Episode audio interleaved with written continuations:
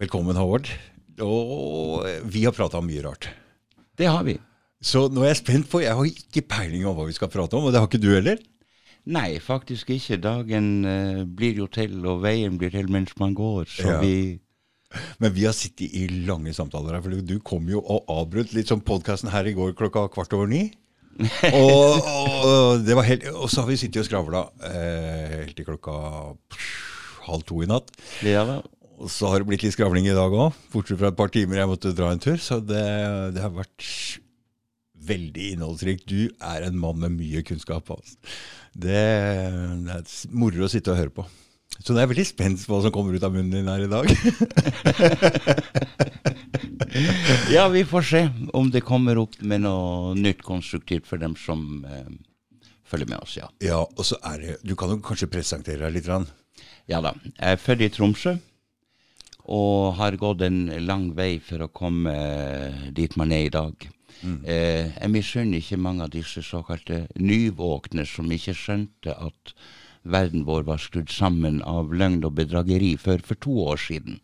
Sjøl så bråvåkna jeg gjennom fire rettssaker mot Telenor og staten Norge allerede i 2003. Og siden den gang har jeg via det meste av disponibel tid til både å grave, kartlegge, delta i alle mulige tenkelige sammenhenger med å informere folk, og med å fronte disse systemene som viser seg å være gjennomkorrupt fra kjellere til loft, for å si det pent. Ja, fordi du har vært igjennom noen rettssaker, og de har tatt fra deg gård og grunn flere ganger, holdt jeg på å si? Ja, man har drevet med bil og eiendom det meste av livet, så at man er involvert i rettssaker er som sådan ingen sensasjon. Eh, når man har deltatt i over 10 000 kontrakter som jeg har, så var den gangen 10-20 rettssaker i avtalemessig sammenheng eh, helt som forventa. Okay. Men eh, jeg har jo fått meg unødig 10-15 eh, rettsrunder eh, mot staten på forskjellige vis på toppen, og eh, det var jo en helt annen type rettssal man kom inn i når det viste seg at eh, det er staten man har som reell motpart. Ja, for der er det noe greier. Her er det noe greier, ikke sant? Ja, jeg konstaterer at vi kommer ingen vei, og, og ser vi på det rent historisk, så er det en rød tråd her, helt ifra det såkalte krigsoppgjøret i 45 med en høyesterett som godtok lover skrevet av en regjering. Det er jo liksom Stortinget som er lovgivende makt, ikke regjeringa. De beskytter seg bak paragraf 17 i Grunnloven, den såkalte Elverumsfullmakta. Men den gir ikke noe fullmakt til en regjering å bli lovgivende myndighet. Slettes ikke skrive lover med tilbakevirkende kraft. Og uansett var de jo et år på overtid i forhold til valgt periode, så det var ingenting som var gyldig. Men Høyesterett godkjente det. Fortell litt om det der med De satt på overtid, og det var ulovlig, og, og hva er Ja, dette for noe? eh, den gangen på 30-tallet, da det var valg, så var eh, perioden Stortinget satt kun tre år. Sånn at perioden Stortinget med regjeringen Nygaardsvold var valgt for, det var 36 til 39. Altså skulle det vært et nytt valg høsten 39, og ny, et nytt storting skulle kommet på januar 1940. Men pga. den urolige politiske situasjonen som var i verden med invasjonen av eh, Polen høsten 39, så valgte Stortinget uten folkets mandat å rett og slett kansellere valget det, over, det året og strekke egen regjeringsperiode med ett år.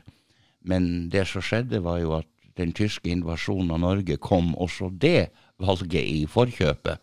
Og dermed så var det jo noen som reelt sett kun var valgt for perioden 36 til 39, som ble sittende som regjering helt frem til 1945. Det er det det går på. Ja. Men um, ja, tilbake til, um, til disse rettssakene og det, det at staten um, Staten er så vanskelig å ha som fiende i en rettssak. Ja, det er jo uh, en av de ting jeg mener var mine største skup, nærmest. Fordi jeg starta som sagt gravinga om hva hadde gått galt i mine saker. Ja. Jeg var selvsagt, som de fleste andre, såra og vondbråten og prøvde å ta rede på hvorfor rammer dette oss og vår sak på det vis det gjør. For jeg skjønte jo her er jo alt galt. Det var jo ikke akkurat Norges lover som var fulgt, for å si det sånn. Nei. Der dokumentert bevisbyrde snus opp ned 180 grader. Altså vi, vi kunne ikke vinne, det var ikke lagt opp til det. Det var lagt opp til tap, og tapene ble pent sagt store, uten at jeg har lyst til å gå i detaljer om det. Men vi tapte stort sett alt som en familie gjennom knallgode forretninger gjennom 35 år hadde opparbeidet. Ja, Så for du hadde litt penger, du. jo da, litt hadde man alltids tilbake igjen, fordi at man har ikke putta alt i én hatt. Men eh, det som var i hatten, det gikk tapt, og det var, det var store verdier. Det var mange millioner kroner. Og derfra begynner denne kampen din å lure på hva er det som foregår her, og hvordan kan det være så vanskelig vanskelig å vinne? Jeg eh, for å ramse opp aktørene, så var min offisielle motpart, eh, eller bedriftens motpart som det jo var, det var selskapet Telenor, som den gangen var statseid. Det var akkurat i selve privatiseringsprosessen eh, av selskapet Telenor at jeg fikk dem som motpart. Jeg hadde kjøpt en del bygninger hos Telenor og ble pent sagt svindla. det er bare fornavnet og ordet svindel. svindel. Eh, I forbindelse med disse rettssakene så klarte jeg tydeligvis å terge på meg det aller meste av det vi i dag vil omtale som deep state. Det vil si gråe eminenser som er plassert rundt om i maktposisjoner, og som styres av staten. Så det var ikke bare Telenor eller bare domstolene. Å nei, nei. Jeg fikk banken DNB på nakken, jeg fikk Statens vegvesen på nakken, jeg fikk Tromsø kommune og det lokale Arbeiderpartiet på nakken. Så i sum så så jeg jo Oi! Dette her er jo dette Arbeiderpartinettverket som var etablert mellom 1945 og 1963, der Arbeiderpartiet var enerådende og styrte i eneveldet. De brukte den perioden på å plassere ut sine egne folk i alle viktige posisjoner, så om de skulle miste politisk makt, så styrte de allikevel Norge fullt ut. Det var ikke mulig å, å komme utenom det. Så hele dette nettet fikk jeg på, på nakken. For dette her leste jeg så satt jeg og tittet litt i en bok her, og det er to egentlig konkurrerende nettverk. Det ene er Stay Behind, men det er ikke Arbeiderpartiet. Det er også riktig, fordi at her er det en pyramide av et hierarki, Ja. der eh, vi ser bunnivået og en gang imellom litt mellomnivåene. Men, men det viser seg det er nivå på nivå på nivå, og helt riktig. Alle disse ting ender til syvende og sist opp hos etterretningstjenestene, som viser seg å rent faktisk stå over det vi betrakter som folkevalgte. For vi ser jo at selv ikke vårt eget storting har direkte innsyn i hva E-tjenesten holder på med. Det må gå via et utvalg som får se litt, men dette utvalget klager jo også på sin adgang til innsyn. Så i siste ende så er det tydelig at her er et system som står over de folkevalgte. Og det er nettopp eh, Stay Behind og CIA, PST og Ikke sant? Også, for jeg begynte å lese, eller leste litt om hvordan Stay Behind kom i gang. Og det ble jo satt i gang på privat initiativ. Helt Og så nappa liksom E-tjenesten og PST tak i det. Og liksom tenkte jeg her er det noe vi kan bruke. Og liksom lure inn våre egne folk, men å bruke det på en måte så det er halvveis privat, halvveis litt etterretningsstyrt med et svært nettverk, og så er det to konkurrerende nettverk også. Og så Når folk prater om losjer og sånne ting, og skjønner at det er en eller annen forbindelse med noe som skjer i små byer, og det er et eller annet de kjenner hverandre, og du merker at du får en hel sånn gjeng mot deg, så er det kanskje dette nettverket de prates om.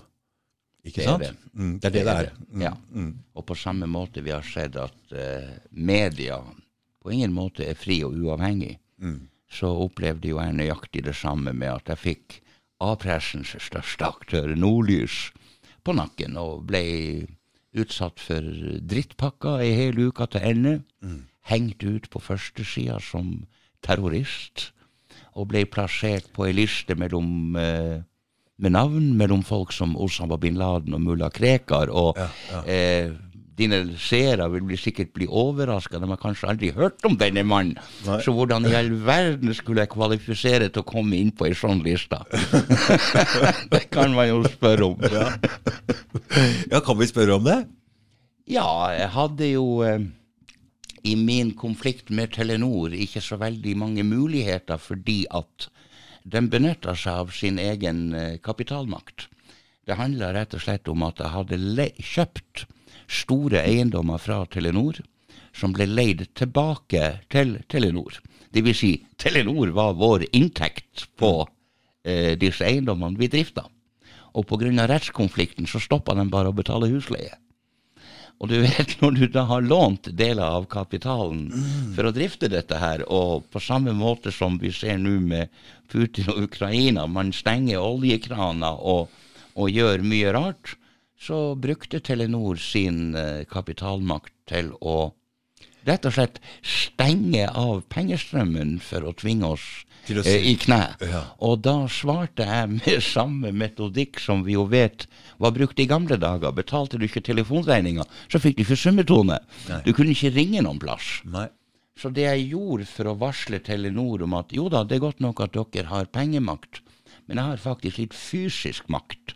Fordi at i de samme Telenor-byggene jeg hadde kjøpt, der befant eh, Noden og sentralen seg for distribusjon av kabel-TV og internett i Tromsø by.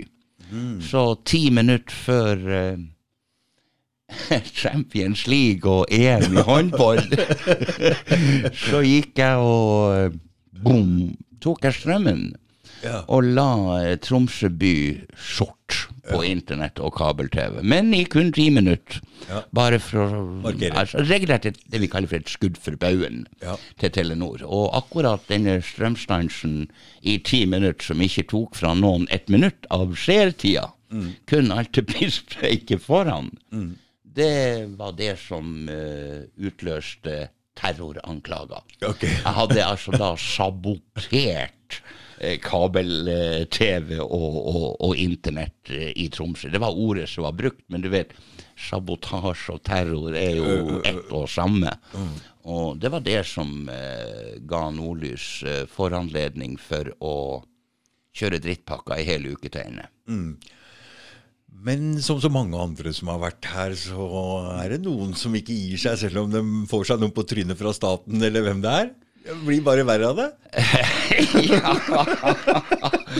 Ja, det kan du faktisk si. Eh, Jeg har eh, tapt ufattelig mange kamper gjennom disse årene, men eh, Det det har ikke redusert engasjementet eller kamplysten. Og selvsagt har jeg som eh, mange andre hatt eh, dårlige dager.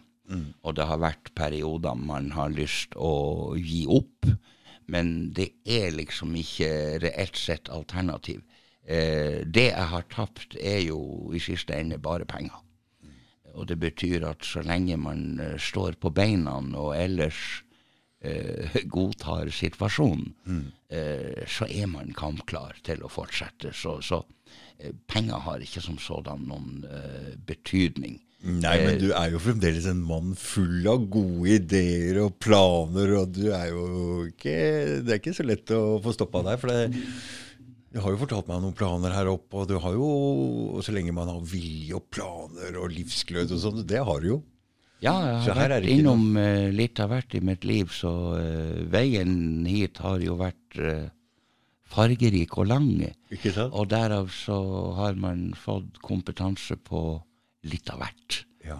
Og eh, det er vel det i siste ende dette livet handler om, at vi skal tilegne oss erfaringer, eh, gode som dårlige. Eh, ok, jeg har fått riktig mange dårlige, men eh, jeg er ikke så sikker på at jeg ville vært noen av dem foruten. Fordi at jeg hadde nok ikke kunnet vite en brøkdel av det jeg gjør, uten at det var et eh, kraftig incitament til å studere tema man kanskje ellers ikke hadde visst eksisterte eller brydd seg om. Så For du, du, du, Chris sa det her i stad Han der kan mye, altså! for jeg var jo inne på For du ble borte fra um, Facebook i går en liten stund, et par timer. Jeg tenkte oi, hva skjedde her? Han ble kasta fra Facebook. Kanskje han ikke ser den meldinga, kanskje han ikke veit. Men da gikk jeg, jeg gikk oppover i, i det, Vi har prata litt på Messenger for uh, over et år siden. Da gikk jeg over og titta, og så så jeg ok, du er jo sånn Du er jo jævlig Du driver og lager golfkøller, og du er sånn du er skikkelig peiling på det greiene der. Så jeg gikk inn på forumet der og sendte deg en melding der inne. Adressen og sånn. Og da leser jeg noe Altså, du er eh, Det du driver med der, det har du peiling på. Eh, tenker du på golf? Ja. Å lage køller og spesifisere. Ja, det har jo vært en sånn eh, privat del av, eh, av denne mannen som jeg ikke har eh, fortalt så mye om til, til mine venner. Men jeg har en rekke fagkompetanse. Jeg er jo egentlig bedriftsøkonom, men har papirer på at jeg egentlig er dreier, sveiser, CNC-operatør og våpensmed. Eh, mens det jeg har gjort eh, de siste år i pensjonisttilværelsen, er å lage golfutstyr for flere av de beste spillerne i verden. Så, eh, Spesial. men- Dette fortalte du meg litt om. så det- ja, det det er et eh, møysomt eh, detaljarbeid der de gjerne bruker tre måneder på å bygge og tilpasse utstyret til én spiller. Men her snakker vi om det ultimate i skreddersøm og på fullstendig Formel 1-nivå. Så eh, det er ikke sånn du kan gå og kjøpe i varehandelen. Det, det, det, det er ikke sånt. Så eh, For nå prater du om proff eliteutøvere ikke sant, som er Ja, helt på ja. toppnivå. Eh, Den koster en liten formue, en, en sånn golfbag. Så eh, tro på aldri måte at går du og kjøper de samme varemerkene eh, i butikken sjøl, så blir det Jo da, du får noe som har samme navnet, og som tilsynelatende ser ens ut, men det er akkurat like stor forskjell på eh, den Mercedesen du kjøper i, eh, hos forhandleren, som den du ser surre rundt på Nürnberg Ring. Den bruker nok muligvis samme frontruta og, og lykteglassene foran og har silhuetten, men det er også det. Nei, Det bare sier litt om hvor eh, For du har jo en eh, dårlig hørsel. Du er nesten Ja. døv, ikke sant? Og nordmann, har du vært det hele livet, eller? Eh, nei, eh, dette med hørselen var noe som starta for 15 år siden. Og det har gått eh, bare én vei, og det er nedover i, i trinn. Og det er jo fordi at vi har et helsevesen i Norge fylt med kvakksalvere. Jeg har noe så enkelt som vannansamling i indre øre, og norske spesialister nekter for at jeg har vann i ørene. Men med jevne mellomrom så blir det for mye, og da oppstår en permanent skade som gjør at hørselen trapper ned i trinn. Så dette året håper jeg at jeg kommer meg tilbake til Polen, der jeg har oppholdt meg i vinter.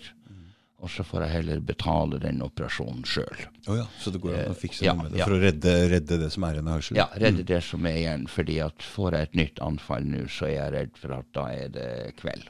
Jeg har tapt all hørselen på den ene sida og har eh, noen små rester igjen på den andre sida, som gjør at nå når vi sitter her og snakker, så har jeg helt nytt batteri i høreapparatet på Ja, ja, full ja, guffe. ja. og- Så hvis folk Og- syns at uh, Håvard sitter litt rart med den øretelefonen på huet, så er det fordi han har den halvveis på ene øret for å ikke få feedback og sånn på det ene øret. Men det, hvorfor jeg nevner det, det er for at uh, når man mister én sans, altså hørsel lite grann, så blir man flinkere på en annen sans. Og det du fortalte meg i går, hvordan du klarer å konsumere, og hvordan du klarer å lese store, store betaer kjapt og suger det rett inn, det er en egenskap som er veldig god. Dessuten er du veldig god til å skrive. Jeg ser jo hvordan du er helt kompromissløs når det gjelder de tinga du står for. det har jo vært en, altså det, er en, det er morsomt å se folk som er ganske skrivekyndige, som prøver seg inn på sida di, men det må bare gå med halen mellom beina. det nytter ikke. Ja, jeg har aldri vært redd for å, å, å, å ta en debatt og, og prøve i det minste å være saklig. saklig. Og så langt som mulig å unngå å gå på personen. Og så kan vi heller krangle sak, men man ser jo at det oppstår tilfeller der man allikevel ender med å eh, gå i strupen på, på, en given person når man ser at eh, det nytter jo ikke selv med fornuft og gode argumenter. Mm -hmm. Så man er ikke noe bedre enn andre når det kommer til stykket. Man eh, får seg et par på trynet, og en gang imellom så kryper man ned i den samme sandkassen og mm. kaster rundt seg med litt gjørma, ja. Nei, for det, det, hele den altså jeg, har jo ikke fulgt deg mer enn altså Jeg begynte jo nå for to år siden å liksom kaste meg på hva som i all verden skjer her igjen. Før det så var jeg ikke veldig interessert. Det lå liksom i en sånn ja, Etter 2001 så skjedde 9-11 og det der. Og så var det jo noen år hvor jeg var ganske på der, men så har det bare ligget der sånn ah ja, Jeg har vært sånn halvveis interessert, men det har ikke vært noe som har fenga. Men når koronaen kom nå, da Kjente du noe? og, da har jeg jo fulgt en hel haug med folk siden det, og det er jo der jeg har fulgt med deg også. Og der har du vært klar. Og, og driver med mye rart. Hæ? Ja, man har jo engasjert seg i det offentlige rom eh, mot det meste, for min del helt fra 2003. Så dette mm. med mm.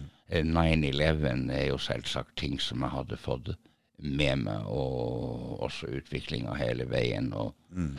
Det var vel det som var starten på vår tids opp-ned-verden. Ja, ja. Der eh, rett ble galt, og galt ble rett, og, og løgn og propaganda fikk styre. Mm, det ble i hvert fall tydeligere. Det har vel vært før det òg. Det har vært gærent i verden, men jeg har liksom ikke lagt så mye merke til det. Men det der det vekte en hel bråta med folk for å titte litt på hva som foregår i verden. Og det er mye rart som dukker opp. Og, ja.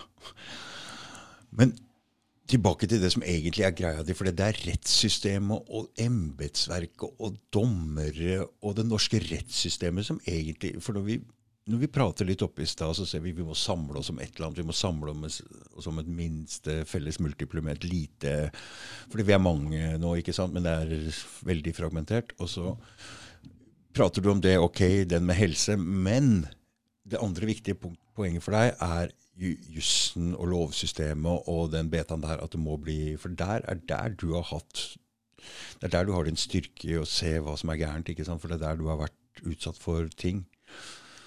Ikke sant? Ja, i og med at jeg har deltatt i så mange forskjellige Hva skal vi kalle det for? Antistatlige opposisjonsgrupper ja. eh, i disse år, så har man vært innom en rekke tema. Alt fra barnevern til rettssikkerhet eh, generelt. Og jeg var, deltok med gule vester i Berlin. Jeg har mm. eh, I det hele tatt, jeg har vært eh, på barrikadene og i førstelinja eh, så langt mulig hele veien. Mm. Og ikke minst nå gjennom den eh, såkalte covid-1984-pandemien. ja, for der har du vært klar? Den så du med en gang, eller? Ja, og jeg hadde jo eh, gleden av å, å, få kjennskap til alt dette som skulle komme allerede i 2015. Ja. Sånn at eh, når vi kom til oktober 2019, datoen er faktisk 22. oktober 2019, så får jeg en mail fra eh, en mann som mange av dere har hørt om, Robert David Steely. Han var eh, tidligere leder for CA Clandestine Network. Er folk som jeg har møtt gjennom eh, ITNJ, eller The International Tribunal for Natural Justice en domstol reist av folket som jeg var med å starte i London i 2015. Mm. Og i ITNJ deltar det folk fra de fleste etterretningsorganisasjoner i verden, og som har eh, ja, hva skal vi si, hoppa av. Okay. Og, og, og prøve å jobbe for en bedre verden mm. enn uh, den vi har sett med en falsk agenda, og eh, der vi hele tida blir motivert til å tro på ei løgn som ligger til grunn, f.eks. invasjon i Irak. Mm. Alle vet jo i dag at Saddam Hussein hadde ingen masse ødeleggelsesvåpen. Så, så, det er det disse karene har drevet med eh, før De vet hvordan løgner skapes, de vet hvordan de distribueres. Mm. Og ved hjelp av sitt nettverk så hadde de inngående informasjon som sa at startskuddet for det som var brifa om i 2015, eh, hadde gått den 18. oktober i forbindelse med at Event 201 hadde funnet sted i New York. Mm. Og samme dato åpnes Wuhan Military Games. Om det så var et virus som ble distribuert fra Wuhan den gangen, eller noe helt annet, tør jeg ikke svare på, men uh, det var da det offisielle startskuddet for covid-19 gikk. Mm. 84 gikk, og jeg fikk da altså uh, beskjed den 22. oktober om at uh, nå rulles dette ut, det vi snakka om i juni 2015. Mm. Så jeg var veldig så godt forberedt. Mm. Og gikk allerede da i gang med å jobbe 15-16 timer i døgnet med å gjennomsøke norske statlige arkiver eh, på jakt etter eh, alle tenkelige dokument som kunne eh, brukes til å dokumentere eh, hva som egentlig skulle skje. Og eh, det skulle selvfølgelig gå et stykke tid før man finner det man eh, søker etter. Eh, sånn som at uh, allerede fire uker etter at pandemialarmen går i Norge 12.3, så finner jeg referat mellom regjeringa og IMF, International Money Fund, mm. som da naturlig nok har tema covid-pandemien, men det viser seg det at nei, det var ikke noe covid-pandemi det egentlig handla om. Det var en climate crisis. Og de snakka om uh, gjenoppbygging etter de skadene som covid-tiltakene ville påføre. Det snakker de om det vi kaller for build back better.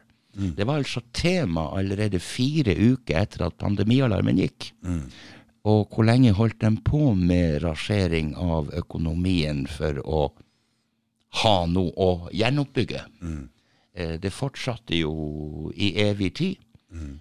Og de visste jo på forhånd at disse tiltakene som ble satt i verk, aldri kunne tilfredsstille det offisielle formål. Eh, det var også dokumenter jeg fant eh, i denne sammenhengen i regjeringens egen pandemiplan fra 2006 for alle disse tiltak vi har sett. De var prøvd under spanskesyka, og de virka ikke. Den eneste effekten de hadde, det var å smadre økonomien. Og det er jo det vi da, når du kobler sammen denne pandemiplanen fra 2006 med referatet fra IMF, så ser vi jo at oi, det er tvangsrealisering av Agenda 2030 som er i gang. Mm. Og da skjønner jeg at du går, mm, er litt skeptisk til det som skjer uh, til Putin også, og det som skjer nå. For det, det er jo også i ferd med å enda videre rasere økonomien i Europa. Ja, eh, det var ingen tvil om at det kosta Norge enorme summer. Og eh, jeg forsøkte jo å gjøre en del eh, beregninger for å se har disse tiltakene potensielt spart menneskeliv. I så fall, hva er kostnaden per liv? Mm. Og jo da, på et tidlig tidspunkt så var det mulig at vi kunne hevde at vi hadde muligvis eh, berga et givent antall eh, mennesker over eh, forventa gjennomsnittlig levealder og til en kostpris på ca. 250 millioner per stykk. Mm. Og det sier seg jo sjøl at hvis det var en, eh, en 84-åring som havner på et sykehus med behov for en behandling som koster 250 millioner, så er svaret nei. ja. ja. for sånn er det med sånne ja. avgjørelser tar de hele tida. Så det, det er nokså åpenbart at uh, dette hadde ikke noen andre hensikter enn å, å skade økonomien samt uh, tukte folket tilstrekkelig til at de ble vant til en helt annen hverdag enn den normalen som var før covid, for den kommer nemlig aldri tilbake. Eh, det går jo en rød tråd fra 9-11 og, og, hele veien forover, mm. der kontrollsamfunnet eh, og inndragelse av selvfølgelige rettigheter. Nå sist mm. ser vi at også EU er på banen og protesterer mot eh, Elon Musk og Twitter, der de truer med at hvis ytringsfriheten kommer tilbake. fri, eller kommer tilbake, så lukker de Twitter. Med andre ord, eh, man trodde en gang at uh, ytringsfrihet var en uh, grunnlovfesta rettighet i Norge og en menneskerett rent generelt. Men eh, nei, eh, selve samfunnskontrakten, som jo er lov og rett, den er ensidig og et bedrageri. Alle disse lovene og rettighetene er illusoriske når det kommer til stykket. Mm. Ja, det er, det er, veldig godt å høre på deg sitte og forklare dette så tydelig. For det blir Det vi har mangla nå, egentlig etter etter denne pandemien, det er en ordentlig gjennomgang. Hva er det vi egentlig har vært igjennom? For vi har ikke fått tid til det. Vi blir bare bombardert med Ukraina og Putin og tredje verdenskrig og hungersnød og, og ja. ja. det er vel ikke noen som, eh, av oss som sitter her, som, som, kan påberope seg å kjenne de absolutte fakta. Mm over det som skjer. Man må rett og slett holde alle tenkelige muligheter åpen, fordi det ser i alle fall fra utsida ut som at uh, uansett uenighet mellom Nato og Russland, uh, så ser det allikevel ut som at det er en avtale mellom partene. fordi det var nå faen så rart at denne Ukraina-krisa skulle komme nærmest på dagen med at et tiltak trekkes tilbake stort sett over hele Europa, mm, mm. mens eh, tall for døde og andre går ja. eh, stikk motsatt vei. Så de dro propper av det badekaret eh, nokså effektivt mm. med å si 'se på Ukraina'. Det er det er der krisen er nå. Jeg skjønner det. Vi diskuterte det litt der oppe, og det kan godt være at alle er med på det spillet der, men, men, men de satte ganske store pressmidler mot Russland. Det var kanskje sånn at de måtte reagere, så den er litt innafor. ja, dette har foregått i så mange år at uh, det måtte komme, men samtidig må ja, man Ja, det er veldig spesielt. Men altså, den ene siden kan jo ha pressa så hardt at det måtte skje akkurat da. Det var bare det jeg ville si. Men hvis du sier sånn Kina er fienden, men Kina var jo med på starten av dette covid-greia. De er med på den der som det bare suser etter. Det var jo der det starta. Vi så jo bilder fra Kina ikke sant, hvor de datt omkring helt stein daue på sekkene med nesa ned. Kom dem hjem og sprøyta gatene med sånne hvite drakter og en bil, og de låste folk inne, og nå er de på gang igjen med det samme igjen. Ja. Og i den lockstep-greia så står det jo egentlig at det, det, er Kina som skal vise veien der.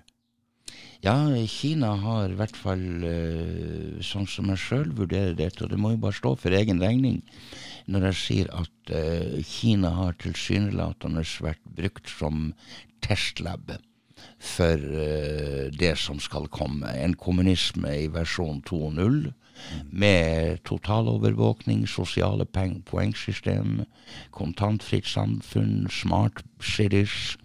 Altså, kineserne er åpenbart eh, lengst frem eh, når det gjelder realisering av 2030. den verden sånn som de mm, mm. vil se ut i 2030. Ja. Så å tenke tanken på at Eh, Kina er noen andre eller en motpol til World New Order. Nei, jeg er fryktelig redd for at vi er vitne til et eh, globalt Muppet-show av konstruert uenighet, der uenigheten og konfliktene eh, vil lede til det felles mål.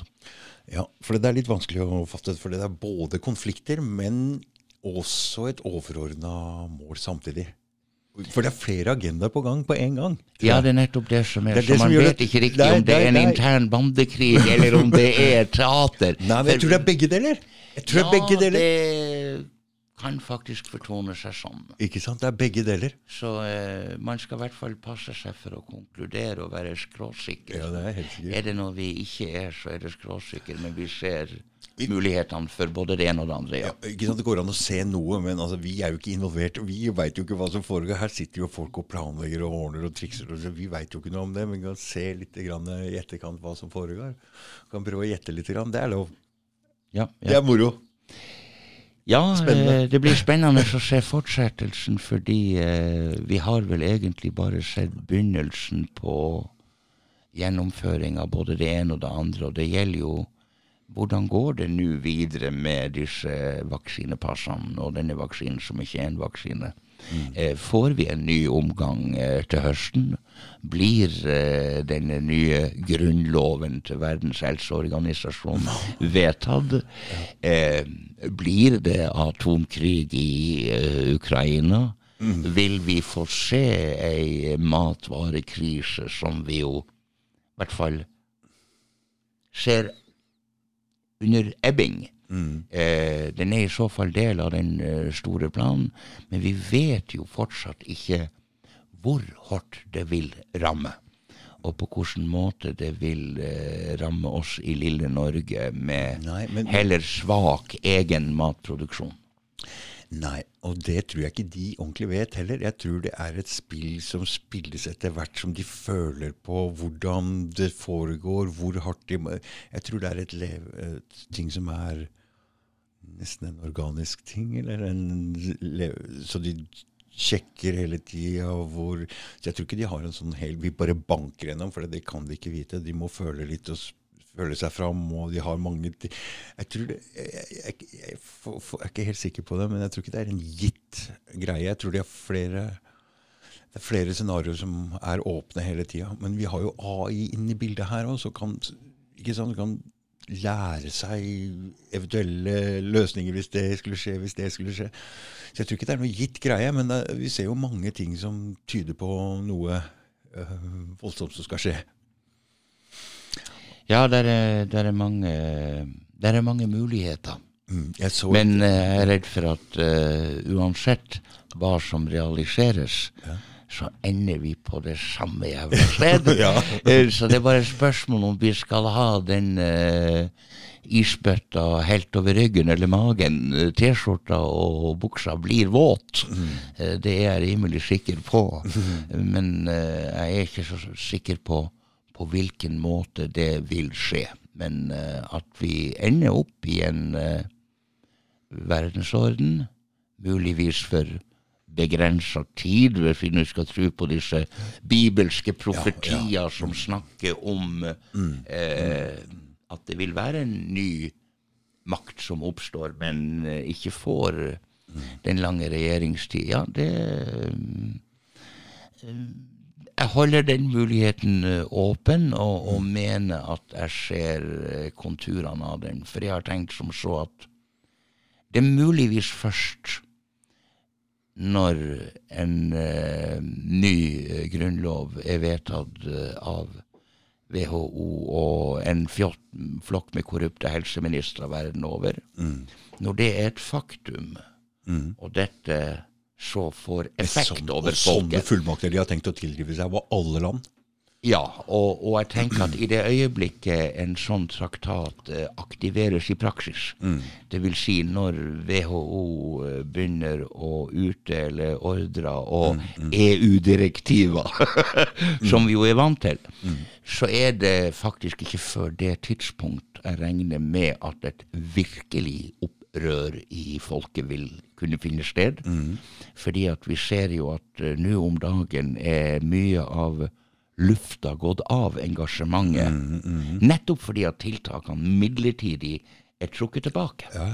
Og dermed så tenker mange at eh, ja, men det er jo over. Nei, det er faktisk det det ikke er. Og i det øyeblikket den, eh, ved denne kon greia med Verdens helseorganisasjon måtte være realisert, eh, så tror jeg vi kan komme til å se noe mye, mye verre enn det vi har vært igjennom i to år. Fordi Norge har jo kjørt litt stille, snille greier, men denne gangen så kommer det altså til å bli én lov for alle over hele verden samtidig. Og Norge er jo dessverre slangens hode og har uh, en norsk signatur på all djevelskap som har foregått i vår verden siden 45. Så også i vaksinesaken. Det er jo fra et uh, kontor i bygget til FHI at planer, distribusjon, avtaler og strategier klekkes ut. Så selv om ikke vaksiner produseres i Norge, så er vi eh, en pent sagt sentral aktør på den globale arenaen, ja. Både når det gjelder vaksine, når det gjelder i FN også, for du sa den første generalsekretæren første generalsekretæren i FN etter krigen var også norsk, var det det du sa? Det er litt problemer med, med lyden her. Mm. Nei, eh, Sa ikke du at den norske FNs første generalsekretær etter krigen var også norsk? Trygve Lia. Mm. Ja, eh, mitt gravearbeid viser jo at eh, årsaken til at lilleputten eh, Norge, som jo ikke engang ble anerkjent som part i andre verdenskrig eh, kapitul nei, Tyskland kapitulerte som kjent til England, mm. ikke tilbake til Norge. Eh, det var liksom ingen som hadde respekt for Norge i det hele tatt, bortsett fra at norske skip var veldig høvelig å bruke via Nortraship. Men på tross av Norges hva skal vi si, relativt ubetydelige tilbakelente rolle gjennom eh, andre verdenskrig, så får altså Norge topplederen eh, i den nye verdensorden som etableres eh, på restene av eh, League of Nations fra første verdenskrig. Mm og Paris-konferansen. Der går Norge ut med toppkandidaten og den første generalsekretæren i FNs historie. Mm. Og jeg konkluderer med at det som har foregått her, er at uh, seierherrene etter uh, andre verdenskrig er tilbudt tungtvann og atomteknologi fra Norge. Mm. Så det er jo Norge vi kan takke for alle de atomvåpen eh, vi er mot i dag. Mm. Eh, tungtvannet ble levert til Norge fra England til Frankrike til India, Jugoslavia, eh, alle tenkelige plass. Eh, Israel skulle nektes å kjøpe, men som kjent så var det muligheter å omgås det òg. Mm. Så Israels atomvåpen og atomprogram er jo av norsk opphav. Mm. Og dermed så har norske hatt en sentral rolle hele veien. Og Gro og disse her, de prater jo allerede om Agenda 2030, at befolkning er et reelt problem. At vi er for mange. og De sa jo allerede vi har begynt å diskutere det alvorlige problemet ordentlig. Så Norge har vært med hele tida og dratt i disse Agenda 2030 og Agenda 21-greiene. Og, og, med vaksinen og i World Economic Forum. Vi er med overalt. Helt rett. Eh, som sagt så, så, mener jeg sjøl at Norges eh, epoke starter med tungtvannet og, og Trygve Lie. Mm. Og eh, går vi forover til moderne tid og, og snakker Agenda 2030, så kan vi snøre oss bakover i tidslinja.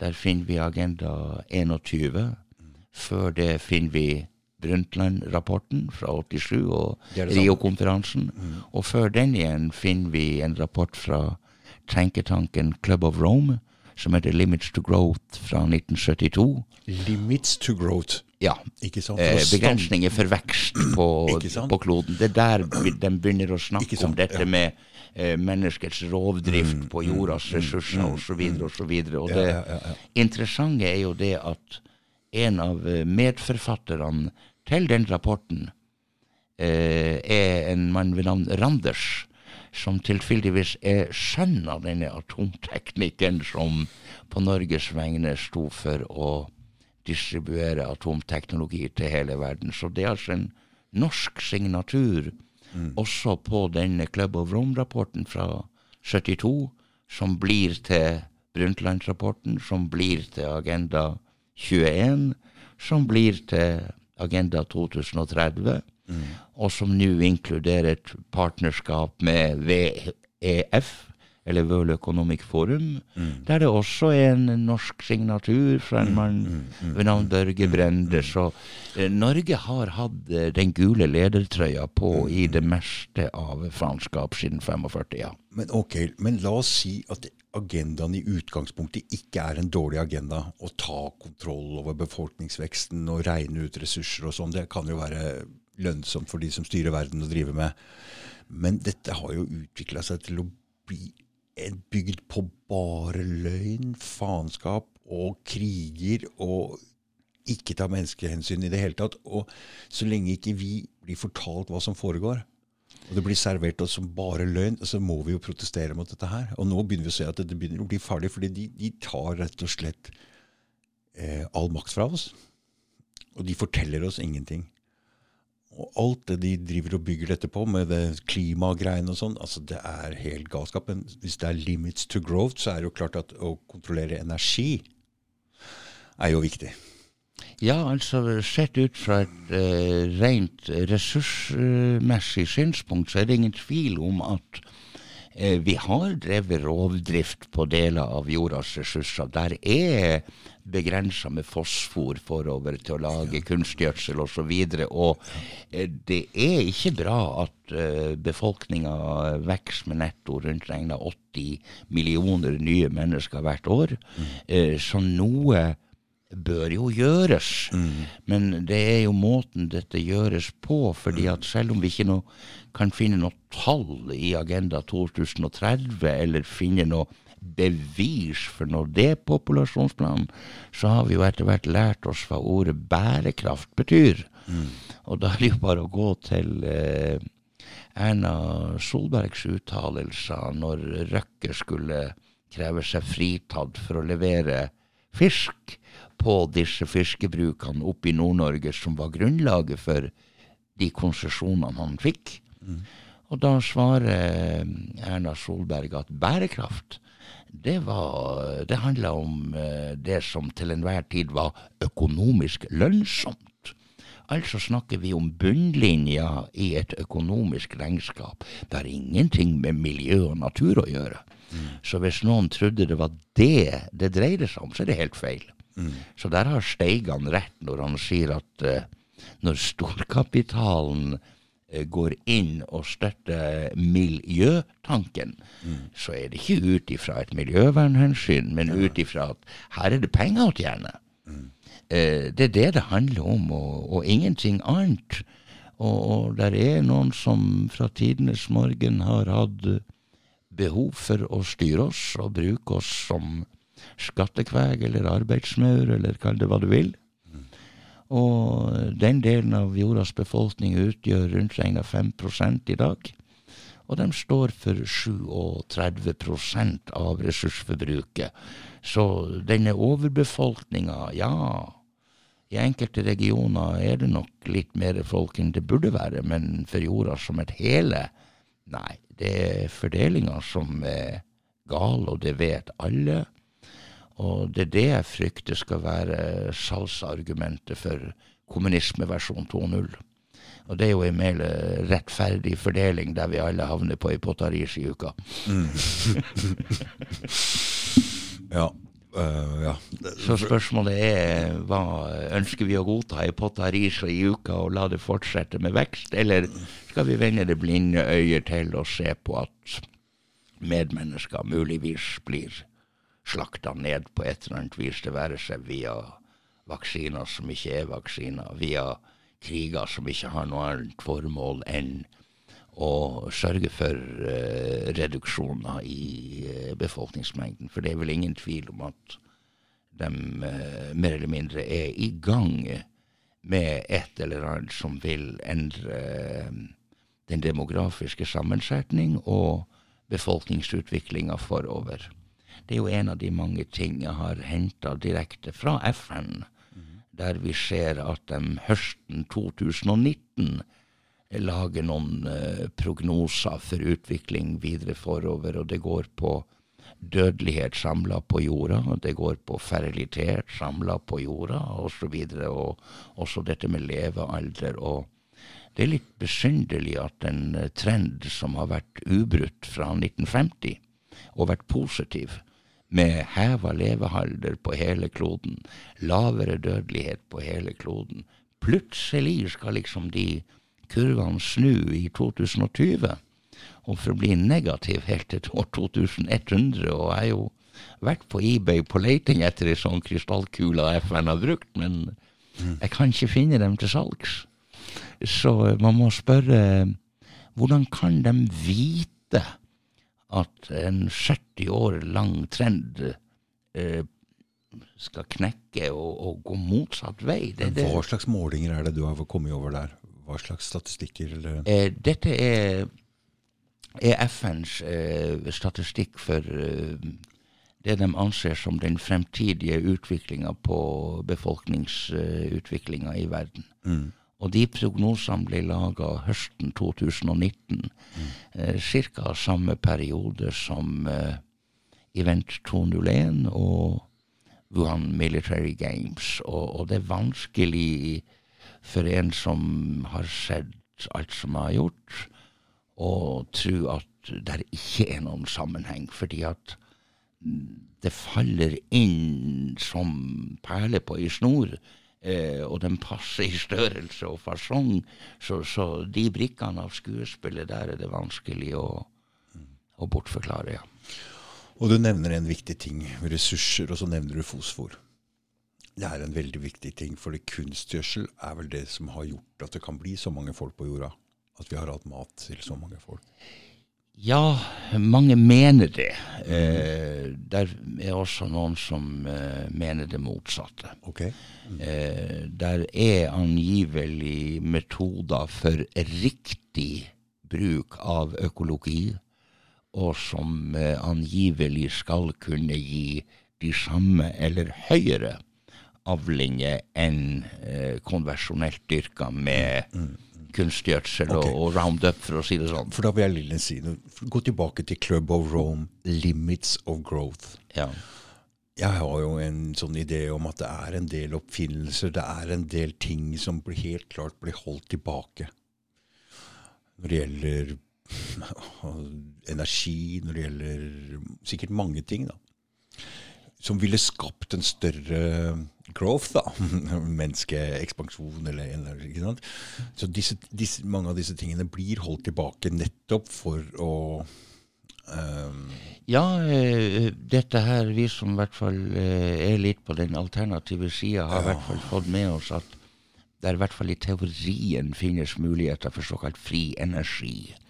Og hvis det nå virkelig var sånn at uh, måten vi produserte det på i dag, mm. uh, var på tur å, å, å, å slå i hjel planeten, uh, og denne teknologien eksisterer, så må man spørre ja, hvorfor blir den ikke tatt i bruk? Mm. For, for, den teknologien vi bruker i øyeblikket, med f.eks. Eh, batteribiler eh, Vindmøller Nei, det, det det er ikke bærekraftig, verken i form av ressurser, fordi eh, et råmateriale som kobolt er det heller ikke ubegrensa med. sånn at eh, det er bare en ny blindgate under et påskudd om noe som På samme måte som invasjonen i Irak, som motiveres folk til å tro på ei løgn mm. for å være med på noe dumt de ellers ikke ville vært med på. Mm. Og, og, det er jo det vi, vi, ser hele veien. Vi blir ikke fortalt sannheten om noen ting som helst. Nei, og det er der jeg går inn og protesterer. Enten så forteller de oss sannheten og sier sånn og sånn, og dette er sånn vi må gjøre det for å gjøre det best for alle. Eller så skal jeg kjempe mot det til alt det kommer på banen. Så, men, men, men, samtidig så, så, fordrer det at vi sjøl blir interessert. At vi tar delaktig i når mamma og pappa ikke klarer å styre, så må, da må du skjønne at øh, altså staten Når vi føler at det er noe gærent, så må vi opp og prøve å styre og stelle og ta litt aktivt del sjøl også. Og det er jo det som trengs av mennesker. At vi er mer med i hva som foregår. Det er, jeg føler det er det å bli vekt opp lite grann. At vi føler at det er ikke, de har, hva driver de med? Det, ikke, det stemmer ikke det de driver med. Nei, da må vi opp og prøve å ta tak i det, vi òg. Og da må man interessere seg for ting. Man må sette seg inn i ting. Det nytter ikke å bare lukke øya og drive med bare noe helt uvesentlige ting. Så derfor som Og det er jo en bra ting at folk eh, tar litt mer aktiv del. Så det foregår to ting samtidig, da. Ja da. Det har helt klart uh, foregått uh, en stor awakening imot uh, alle de ting som jeg følte meg veldig alene om tidligere. Man Ja, var jo ja. et utskudd. mens i dag så er vi Ja. en, en synlig stor mengde folk. Ja, men vi har jo et problem. må Vi er jo så fragmentert. Vi sitter i Ja. tusen smågrupper. Ja. Eh, hadde vi klart å danne ei maurtue, og du ja. Mm. eh, da hadde vi kunnet oppnådd eh, et eller annet. Mm. Eh, sånn som det nå er, så står vi eh, enkeltvis i veldig små grupper. Vi klarer liksom ikke å samle mer enn kanskje 150 mennesker Mm. til en demonstrasjon eh, i Oslo. Ja, det var forresten litt morsomt uh, å få være med som gjest og gå i disse hvite draktene oh, ja, med et sånt skilt. Oh, ja. Fordi at uh, selv om jeg har levd av markedsføring det meste av mitt liv, Mm. så hadde jeg ikke helt skjønt hvor langt vi kunne nå med å spasere rundt i byen, Mm. og heller gå der folket er, enn å håpe at folket kom og samla seg. Mm. Sånn at på Jungstorget hadde vi muligvis 150-160 tilskuere på det meste, mens den runden rundt i byen gjorde at vi fikk eksponert det vi ville til muligvis 25 000-30 000. Altså, eh, jeg var ekstremt overraska over at vi bruker litt gal metode. Vi prøver å, å, å samle mange våkne, og, og det er jo vel og bra. Mm, men- det blir litt preacher for the choir, fordi ja, ja, dem ja. vi jo skal forsøke å nå, det er jo dem vi hevder Ja, sover. ja, ja, og da må ja. vi jo ut der folk sover, og det var en annen plass enn på Youngstorget. Mm. For dem som sto der, dem Det blir jo et ekkokammer. Ja visst blir det. Eh, men samtidig så burde vi ha klart å lage et betydelig større ekkokammer. Mm. Nemlig med at eh, vi burde gjøre sånn som jeg og du snakka om i går, at vi først starte å kartlegge hvor mange sånne eh, små miljøer er vi som sitter på, på hver sin tue, akkurat som vi ser en, en serie med småpartier i politikken. Mm. Eh, Så burde vi som anser oss for å være våken, kunne redusere oss til tre, kanskje fire kjernesaker. Mm. La det andre ligge, Mm. for vi trenger å finne noe som vi felles kan samle oss bak, Mm. for å oppnå den størrelsen vi faktisk er. Mm. Så i dag så ligger vi strødd rundt omkring og, og Mm. ja, om ikke akkurat motarbeider hverandre, så, så gjør vi ikke stort for å samles. Nei, men Så det, der, det er der vi må nå. det, er- det er jeg helt enig med deg i. Og da vil jeg bare nevne at det er jo noen som er på vei til å bygge en helt ny plattform på nettet nå.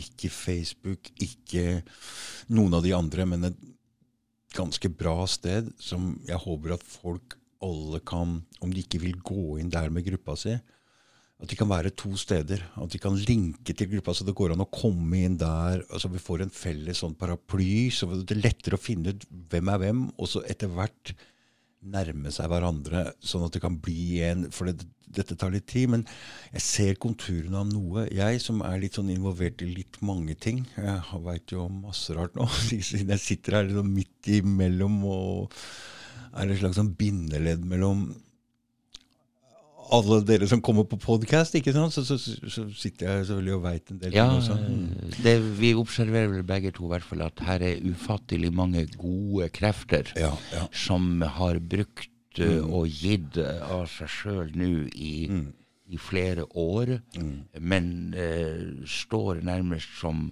enkeltmennesker og bare leverer, leverer, leverer og, og, og yter. Men eh, hva om vi klarte å, å komme sammen? For dette er veldig forskjellige mennesker. Veldig forskjellige Ja mennesker, ikke sant? Vi har ytre venstre, ytre høyre. Vi har lavt ned på rangstigen i, i samfunnet, høyt opp på rangstigen i samfunnet.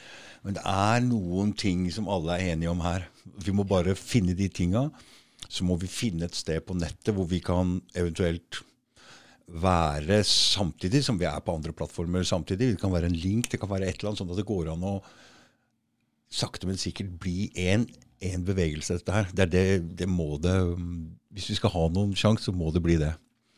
Det er akkurat det, og, og da er det jo nærmest så synd at når man Men nå sitter jo vi to og prater om det. Men uh, du, Håvard, vi um, prater også om at kanskje vi skal samle en liten gruppe med noen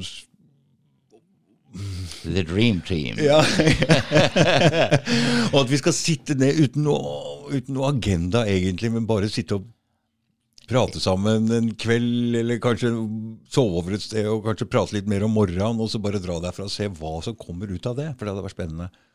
Ja, nærmest sånn som vi to uh, starter podkasten i dag, med at uh, vi har latt være å ta et manus. Ja.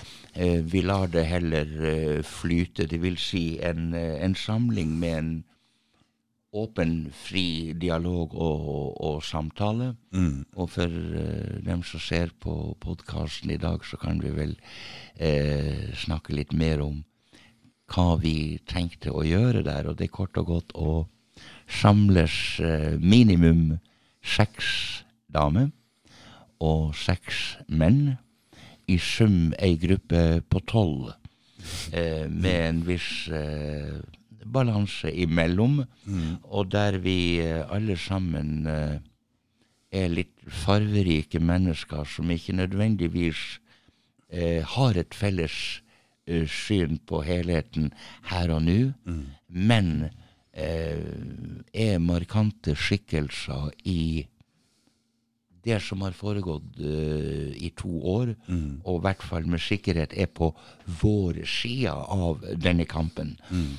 Uh, og så la det være litt uh, brainstorming og se Klarer vi ved hjelp av den åpne, frie dialogen å finne et felles minste multiplum som viser seg å Mm. Være mulig å forenes bak, og derfra gå videre. Det er eh, veldig Man veit aldri hvor en samtale, hvilken vei den går. Altså, jeg merker jo det vi prater litt eh, friere oppe enn det vi gjør her. ikke sant? For man blir litt grann, eh, hemma av si, mikrofoner og headset, og, og, Ja, og, at folk, det. og at folk eh, hører på, liksom. Men eh, den helt frie samtalen Det flyter jo alltid litt grann bedre opp i stua, samtalene, enn det de gjør her nede. Ja, la, Bitte lite grann. eh, Bitte lite grann. Mm. La, la praten gå. Lytt, snakk, observer. Mm. Eh, ja, en sånn eh, en sånn samling hadde vært interessant, så Og- den og må du- vi jobbe videre med. Og, og, du, og du sier noe annet rart også. Fordi du, jeg vet ikke om du vil inn på det, for det er jo et helt annet rart tema. Men du eh, sier også at eh, det bør ligge et visst sted. Hvorfor det, Håvard? Vil du komme inn på det, eller syns du det blir rart å komme inn på? Blir det litt sånn far out for mange her nå? Ja, jeg, jeg har heller ikke lyst til å, å skremme vann av folk, men eh, vi mennesker eh, er jo ikke bare kjøtt og blod. Vi eh, er en del av en større helhet. helhet. Og muligvis kunne ei samling som dette hatt gavn av å finne sted på et eh, energipunkt, eller det vi kaller ley lines. Eh, ikke i viten om at det vil bidra eller hjelpe, men kanskje for å se om der er Om det er noe der? om det er noe der, om der er energi eller annet som kanskje kan tilføre det kollektive fellesskap noe vi ikke hadde eller ville funnet et annet sted. Fordi du prater om tallet 12, men også om tallet 13. Ikke sant? Og hvis det er tolv mennesker, da, og en annen kraft til stede også For vi er forbinder med hverandre. Med, det er en eller annen kraft som forbinder hverandre. Vi, Ja. er, altså det er Ja. en, vi kan kalle det Gud, vi kan kalle det hva som helst. men Det er et eller annet som forbinder oss med hverandre. Og der er det noen spennende greier. Ja, det, det er det helt klart. Og, og, og vi kjenner jo begge to nå så vidt mange karakterer av eh, folk med beina planta godt på jorda, og som er, er våken, men likevel open-minded i forhold til debatt om et bredt spekter av, eh, av saker og samfunnsområder. Men uansett hvor bredt vi favner, så er jo det vi egentlig søker Hva kan vi eventuelt få dette kokt ned til nærmest som et ja, Jeg liker ikke tanken politisk parti, men mm, mm, mm. det er vel litt av det samme konseptet. Mm. Prøve å finne et eller annet som gjør at vi muligvis klarer å samle alle de mm. eh, fragmenterte styrkene. Det er i hvert fall et mm. betydelig potensial. Det er litt spennende, for de var jo på seminar nå forrige helg, og det han Mr. X prater om, det er at vi må vi må finne ut hva vi vil, og så må vi ikke se problemene. Dem tar vi etter hvert som vi beveger oss mot det stedet. Så feier vi unna problemene. Han holdt jo en lang framvisning av en kenyaner som levde på to dollar om dagen, som, men han skulle ha strøm. Han skulle ha vann. Og Hvordan han klarte det, var fordi han sa han skulle klare det. Og så tok han problemene etter hvert. Nå har han forandra hele landsbyen, hele landsdelen. Det er både strøm og vann til alle. Og eksperter overalt sa det går ikke, det går ikke, det går ikke. Altså, det driter jeg Så det å ha et langsiktig mål Nå prata jeg også med en politiker her oppe fra eh, Finnmark. Han har vært politiker i lang, lang tid, og nå når han kommer ut etterpå, han sier Han også prater om seilerne, de som navigerte, navigerte til Polstjernen. Og uansett om du går litt til venstre eller høyre, eller, så tar du problemene. Men hvis vi har det siktemålet mot en eller annen ting langt der framme, så går det den veien uansett. Skjønner du? Så det, blir litt det samme tanken. Vi må samle oss om en eller annen ting. Vi kan ikke drive og krangle om alle disse småproblemene eller uoverensstemmelser hele tida.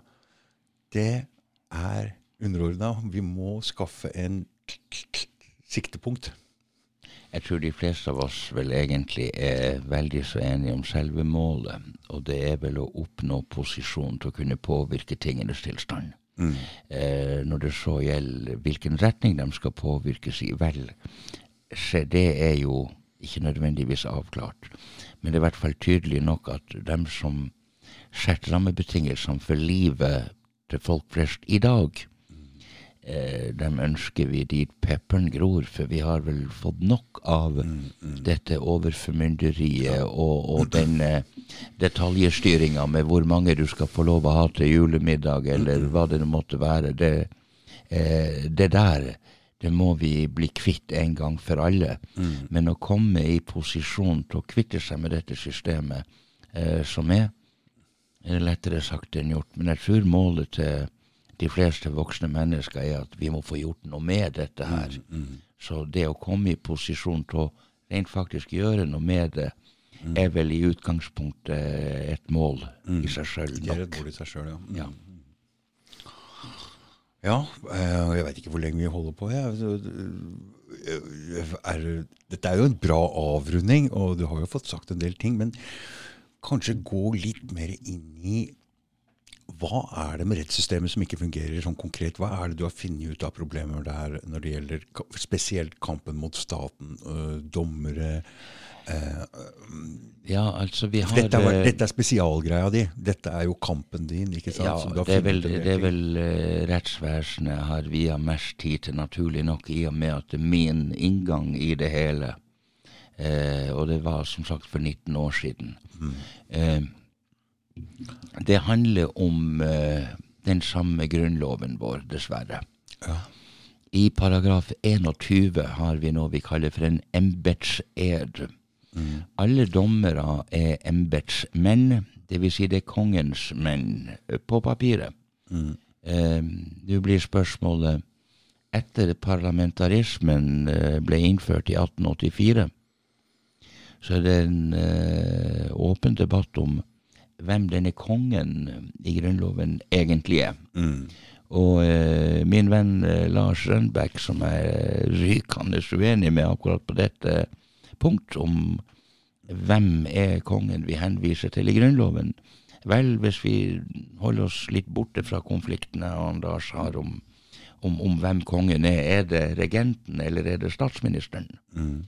så får det i siste ende det samme resultat når vi kommer til domstolene, fordi Dommerne må nemlig avlegge en troskap og lydighetsed til kongen og konstitusjonen, som betyr Grunnloven. Eh, når da regenten og regjeringa samles rundt det samme bord, og det der avgjørelsene blir tatt, mm. så spiller det sånn sett ingen rolle om dommen har avlagt troskapseden til kongen, statsministeren eller helseministeren, for den saks skyld. Mm. Han er like forbanna inhabil mm. i forhold til statsmakten, og han skal være fri og uavhengig. Han skal være fri og uavhengig? Ja. En domstol skal være fri og uavhengig. Og eh, der er problemet at eh, selve teorien bak et demokrati er det som heter maktfordelingsprinsippet. Mm. Det vil si at makta skal være delt mellom regjeringa, som er såkalt utøvende makt. I Grunnloven er det kongen. På ny denne konflikten imellom hvem er det som, som er kongen her. Mm.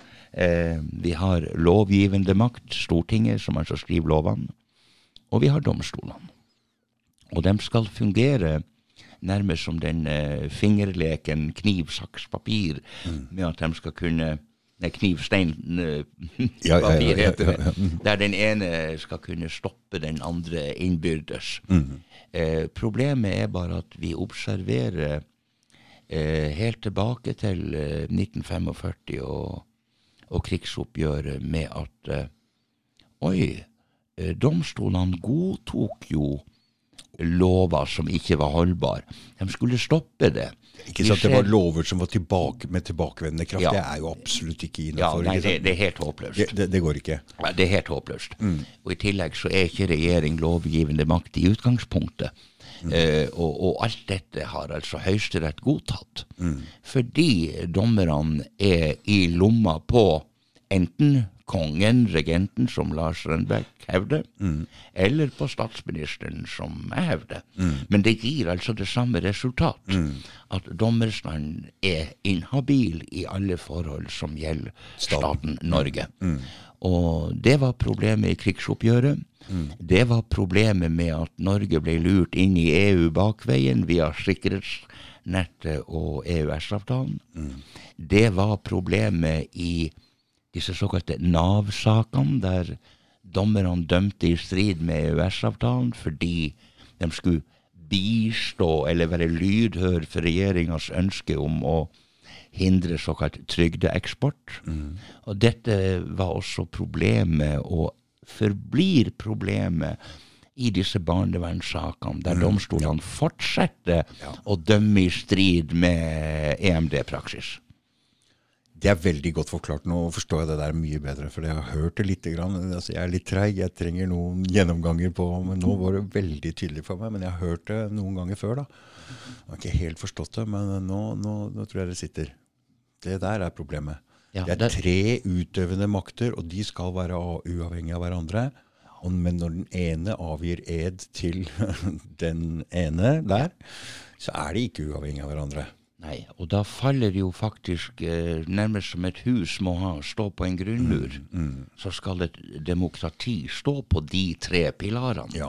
Men når du da tar bort den ene, Ikke nok med det. så men, står det kun to tilbake. Mm, men ikke nok med det, men når Stortinget og regjeringer ikke klarer å krangle om annet enn tull, ingen viktige ting. Ingen covid-nekt, det er ingen diskusjoner om de store, viktige tinga, bare om noe konstruert småpiss så faller den, den balansen også bort.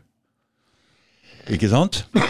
Der er jo ingen balanse, og, og det besynderlige og paradokset i denne parlamentaristiske modellen som er ubrukelig etter mitt skjønn, det er jo det at uh, man tenker ofte litt feil at uh, det er jo noe underlig at det kan sitte ei mindretallsregjering i Norge. Mm. Men hvis vi skal komme i nærheten av et, et, demokrati, så er det kun via et mindretallsregjering det kan skje. Fordi hvis det regjeringa utgås fra et stortingsflertall, Ja. så blir plutselig regjeringa både Ja, blir regjering, Ja, ja. storting og fucking domstol. Ja, det blir det vel? Da har vi jo Da har vi én pilar tilbake, Ja, ja, ja. istedenfor at vi tross alt har begge de to, Ja. der vi tross alt kan håpe på Ja. at vi har et storting som stopper regjeringa når de går for langt. Ja. Men det mister vi hvis vi får ei flertallsregjering, for da får regjeringa alle tre rollene på en gang. Mm. For de har allerede dommerne i sin hule hånd Mm. via embetseden. Det være seg om det går til regenten eller statsministeren. For de sitter rundt det samme jævla bordet der, Mm. Kongen i eh, der kongen sitter, og der beslutninga tas. Mm. Og, og, og, og da har vi Ja, da har vi i alle fall ikke et demokrati. Det, det kan vi slå fast. Så, så her, er, her er noe galt, uansett hvem som har rett om hvem kongen måtte være. Mm. For de to kongene sitter med det samme bordet, så det spiller ingen rolle.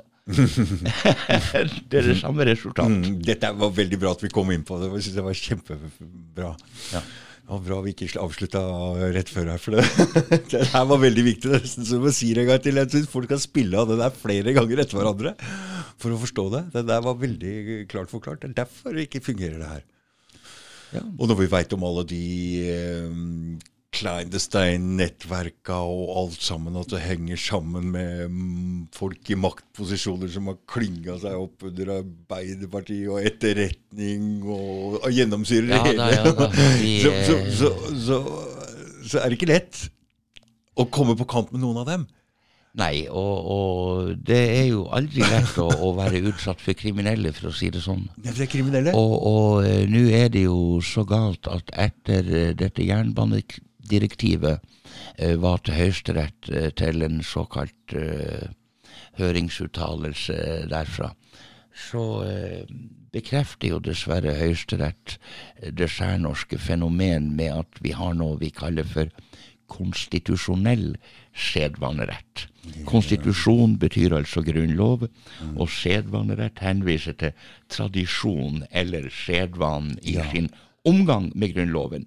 Okay. Og det som skjer da i forbindelse med den siste omgangen her, er jo at Høyesterett rent faktisk bekrefter at nå er Grunnloven brutt så godt og grundig på dette området, og over så lang tid, at det er ikke lenger den skrevende lovparagraf som gjelder, men den ulovlige rettspraksis. Akkurat på samme måte som at eh, Det har blitt gjeldende rettspraksis. ja, altså eh, gjeldende rett, som vi kaller det for. Ja, ja, det betyr det domstolene forholder seg til.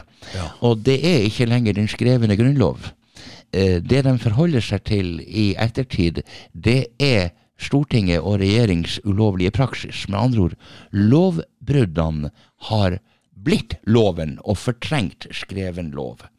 Så den som tror at han i dag kan slå opp i Grunnloven og forstå Grunnloven, så er det bare å beklage. Den skriftlige utgaven har ikke lenger noen eh, rettskildeverdi. Nei, for her har jeg jo vært innom rettssystemet her, og, og da er de forrige dommene i f.eks. Høyesterett, da, Ja. de blir liksom retts...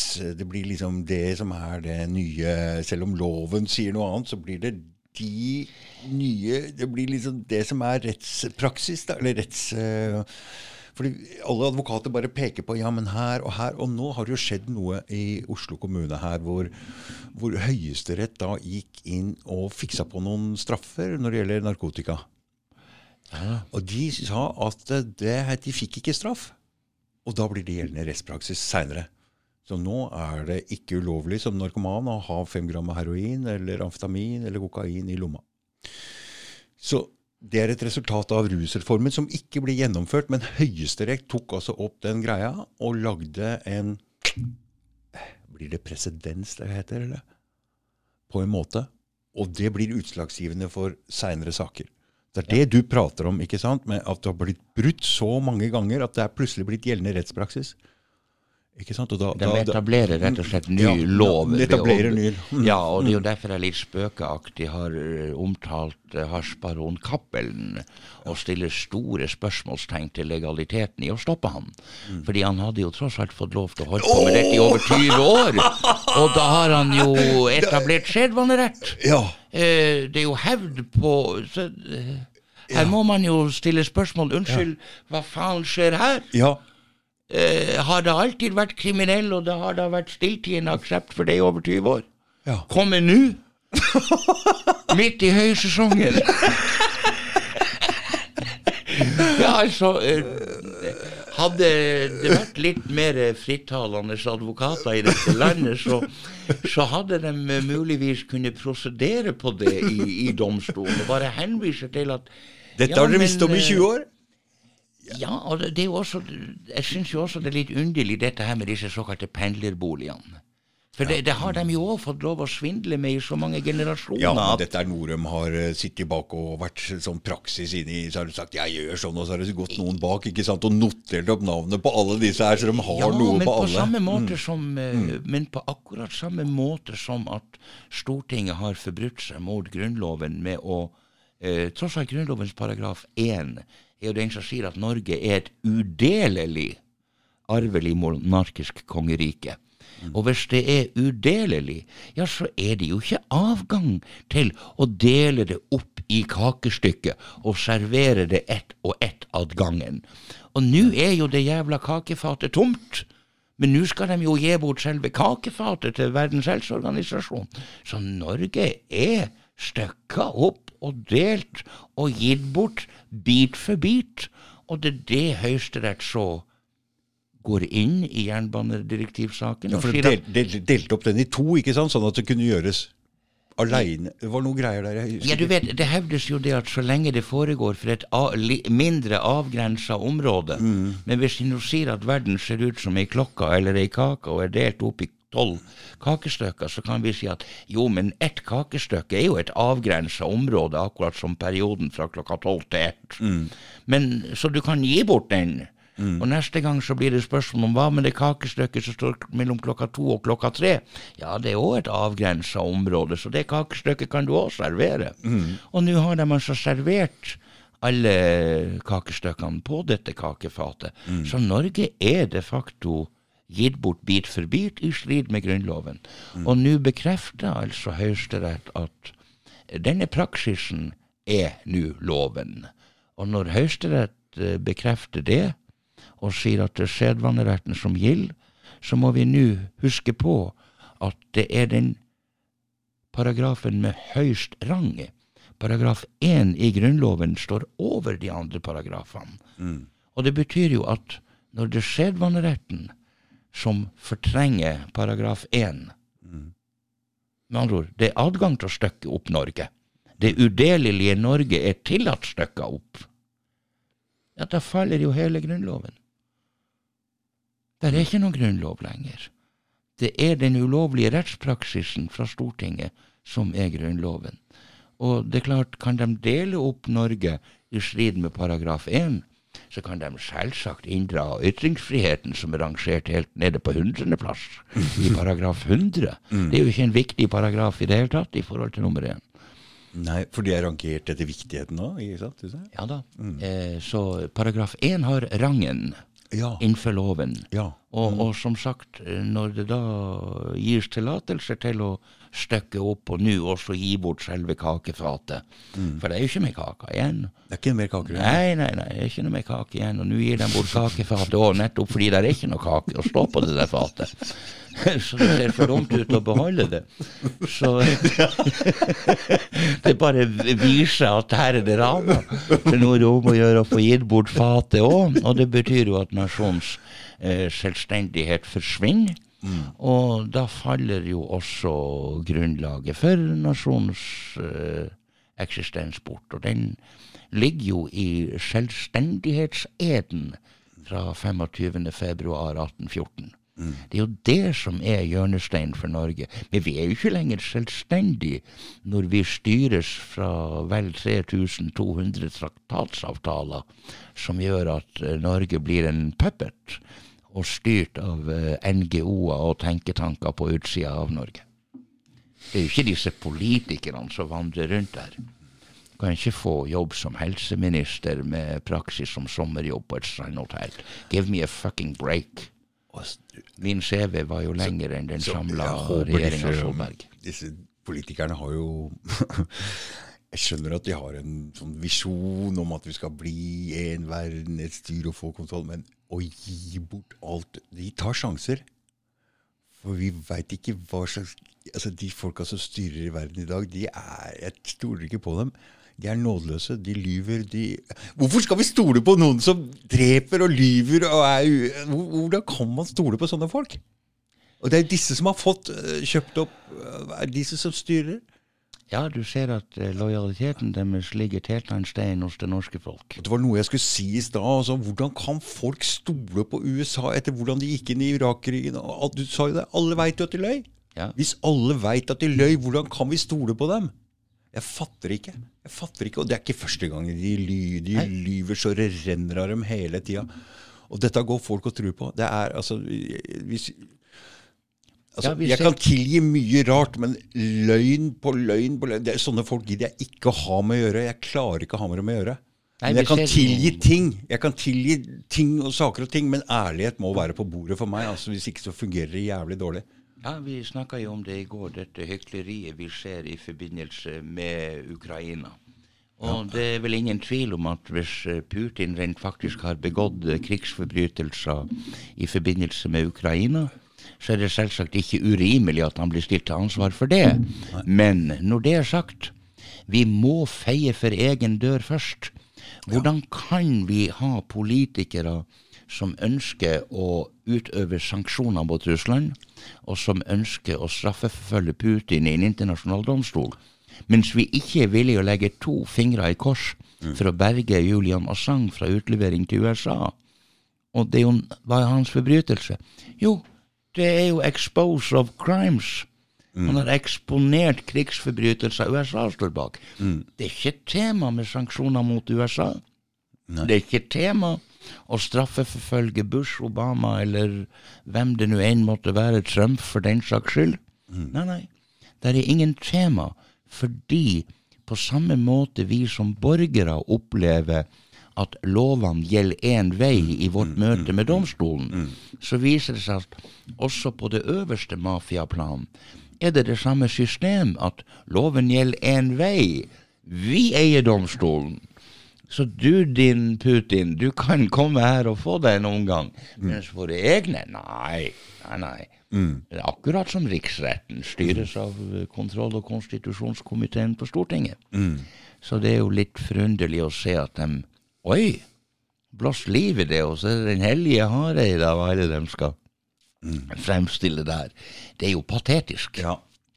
Og dette handler om å begynne å se litt rundt omkring og hva som foregår, og, og, og, og ikke bare rope 'slemme Putin'. Altså, det blir eh, altså, Det er ikke Jeg syns folk må roe seg ned og ikke rope så høyt uh, når de kanskje ikke veit hele bildet. Jeg er veldig Altså uh, Ja. Ja, Godt, et, bare et lite tips. ikke rop så jævlig høyt før du skjønner så jævlig mye. Ser, så, ser ikke så bra ut. ja nei, vi er i hvert fall enige om at uh, det meste er, er galt. Ja. Uh, ja, det meste er galt. det meste er galt, og uh, om vi ikke nødvendigvis sett på den ultimative sannhet om, om hva som er galt, så ser vi at det der er galt. Og eh, vi håper alle sammen på å kunne komme opp med et eller annet som kan endre dette til det bedre. Ja, ja, ja. Og, og, og det er der jeg føler at vi eh, har utfordringer og oppgaven, nemlig med at eh, disse vekkelsesmøtene de må sannelig være over nå. Den som ikke kjenner refrenget i den sangen vi synger, han eh, får ikke være med i det koret. For nå må, må teksten være kjent for alle. Ja. så, så, så den sida er grei, men, men så var det også få samla dette koret. Vi må få samla alle de stemmene som eh, taler Roma midt imot, sånn at vi kan synge den samme sangen. Enes om det verset og det refrenget vi skal bruke for å nå frem eh, i håp om å påvirke til en endring på demokratisk og fredelig vis. Og jeg, um, jeg kommer en politiker her ned nå og i løpet av en 14 dagers tid, og han har en plan.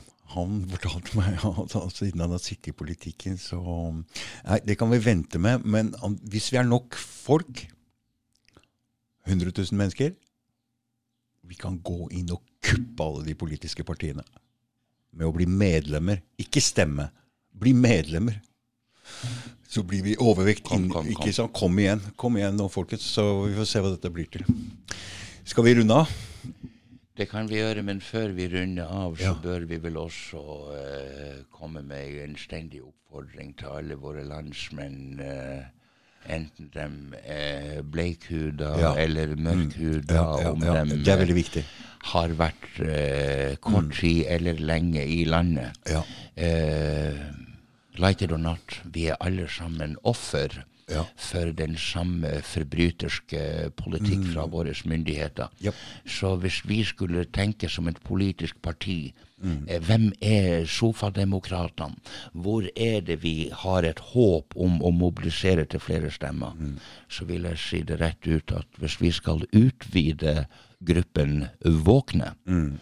Ja, så må vi starte dialogen med våre nye landsmenn, for der er det ufattelig mange av dem. Veldig mange våkne. Jeg vet Ja. det. De er fullstendig mye mer klar over hva som foregår dem enn oss. fordi de har en annen vinkel, de ser på dette fra en annen vinkel, som det er litt lettere å se det fra den vinkelen. Så jeg også ønsker Og da må at- vi slutte med sånn tøv som koranbrenning. Ja, det er helt enig. Det, det, helt det, vi kan mene hva vi vil om denne Koranen, men, men, men det vil ikke hjelpe oss til å få endra Mm. noe som helst, fordi det bare bistår til å opprettholde den samme fragmentering som uh, enig. myndighetene eh, nyter godt av. Så la oss uh, gå sammen.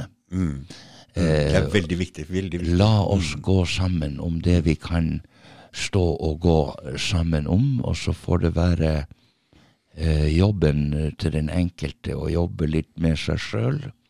Eh, med kanskje litt motforestillinger mot å eh, bryte brød med en muslim hvis det var nødvendig.